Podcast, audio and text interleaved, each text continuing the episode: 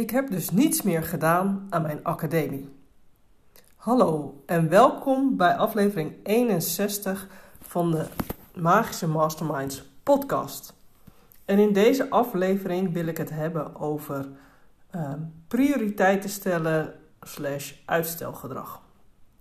Zeker bij mijn werk bij Simone Levy kom ik regelmatig met mensen in aanraking die uh, ofwel nadat ze met mij privé hebben gewerkt, of gewoon omdat ik ze help uh, via uh, technische vragen uh, of help met het oplossen van technische uitdagingen van hun academie, die dan ehm, zeggen van ja, nou, ik heb de afgelopen tijd eigenlijk niks aan mijn academie gedaan. Of ik heb sinds onze laatste ontmoeting niets meer aan mijn academie gedaan. En ja, vaak komt dat doordat nou ja, je het niet belangrijk genoeg maakt. En ja, als ik daar mijn mening over deel, dan zeg ik: de afgelopen tijd heeft ons toch wel geleerd dat als er iets belangrijk is, dat je ook online je werk kunt doen en niet alleen offline, omdat je nooit weet of het door kan gaan of niet. En daarbij, je hebt een plan in je hoofd, je wil een academie of online leeromgeving bouwen. En perfectionisme is natuurlijk vaak uh, een reden om dingen uit te stellen.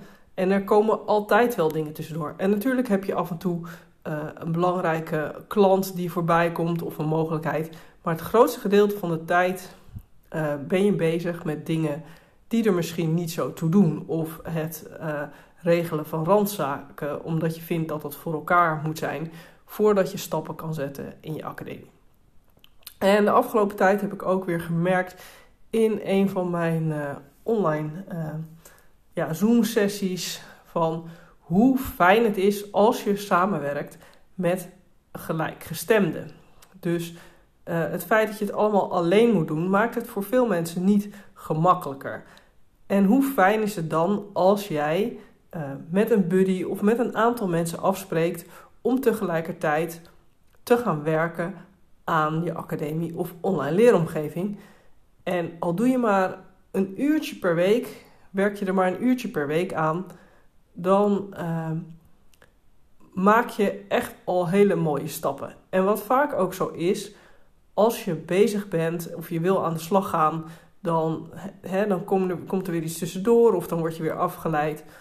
En dit komt vaak doordat je taken veel te groot maakt. En ik herken dit heel goed hoor, want ik heb op een gegeven moment ook moest ik iets doen. Ik moest een paar mensen bellen. Volgens mij waren het er niet eens superveel. Maar tien of zo. Het viel eigenlijk wel mee. En uh, nou, dat, ik had op mijn takenlijstje gezet van... Nou, je moet uh, tien mensen bellen. Nou, er gebeurt niks. Volgende dag, er gebeurde niks. Toen dacht ik, nou, ik maak het wat kleiner. Want uh, als ik één ding geleerd heb, is als je een taak niet doet, dan heb je hem te groot gemaakt. En als je hem dan wat kleiner maakt, dan lukt het vaak beter. Dus de volgende dag vijf mensen bellen op mijn lijstje gezet. En nog steeds niets gedaan. Nou, nog een keertje verkleind. Uh, dit keer wat sneller, want ik had alweer door van oké, dit vijf is blijkbaar ook te veel. Dus teruggebracht naar twee. En nog steeds twee mensen niet gebeld. En nou, ik dacht, hoe moeilijk kan het zijn? Ik zet er voor morgen op één iemand bellen. Toen dacht ik, nou, dat moet toch lukken. Dit is zo klein. Dit is zo belachelijk klein, dat gaat lukken. En toch weer niet gedaan. En ja, een van de dingen die ik ook moest doen om die 10 mensen te kunnen bellen, is de telefoonnummers erbij zoeken. Dus de dag daarna nog een stapje kleiner gemaakt en gezegd: één telefoonnummer zoeken. Ik denk, nou, dit is zo idioot klein, dat moet gaan lukken. En deze keer had ik gelijk. Want ik zocht een telefoonnummer op van een van die tien mensen. En vervolgens had ik dat telefoonnummer. Dacht ik, nou ja, nu ik het telefoonnummer heb, kan ik ook wel even bellen. En had ik dus ineens niet alleen een telefoonnummer um, gezocht, maar ook iemand gebeld. En dat is dus, soms moet je gewoon erkennen om een stapje vooruit te zetten. Want ja, de dagen daarna ging het natuurlijk veel soepeler. Want dan zocht ik gewoon één telefoonnummer en belde ik iemand. En zo had ik toch binnen niet al te lange tijd al die mensen gebeld. En soms is het dus nodig om je taak gewoon nog een beetje kleiner te maken. En als je dan dat doet en je combineert dat met dat je hè, de energie gebruikt van dat er meerdere mensen tegelijkertijd aan het werk zijn met jou, omdat je weet, je hebt afgesproken van, nou, ik ga uh, hè, met een aantal mensen samen, ga ik op dat moment ga ik gewoon uh, aan mijn taakjes werken. Dan uh, maak je gebruik van het heel klein maken van die taken en die gezamenlijke energie. En als je dat dan een tijdje doet, elke week, dan ga je in ieder geval vooruit. En de kans dat als jij één taakje gedaan hebt, dat, er dan, hè, dat je dan nog een taakje doet, zoals je hebt het taakje telefoonnummer voltooid en je belt gelijk iemand, die is alleen maar groot. Want als je eenmaal in die flow zit, van, dat je merkt van hé, hey, ik heb een succesje behaald met het, uh, met het uh, uitvoeren van een taakje, dan wil je graag verder over het algemeen. Nou, dit was eigenlijk mijn tip voor vandaag. Of eigenlijk zijn het er even nadenken, ik weet niet precies hoeveel er zijn. Tip 1: zoek een aantal mensen om samen aan je academie te werken. Tip 2: doe dat op een vast moment in de week voor een aantal weken achter elkaar. En tip 3: blijf je last hebben van uitstelgedrag, verklein dan je taak. En uh, heb je nou niemand om dit mee te doen? Vanaf vrijdag 11 februari, of gewoon omdat je het gezellig vindt en weet dat als je ergens voor betaalt, dat het nog beter werkt dan wanneer je het min of meer vrijblijvend met anderen afspreekt.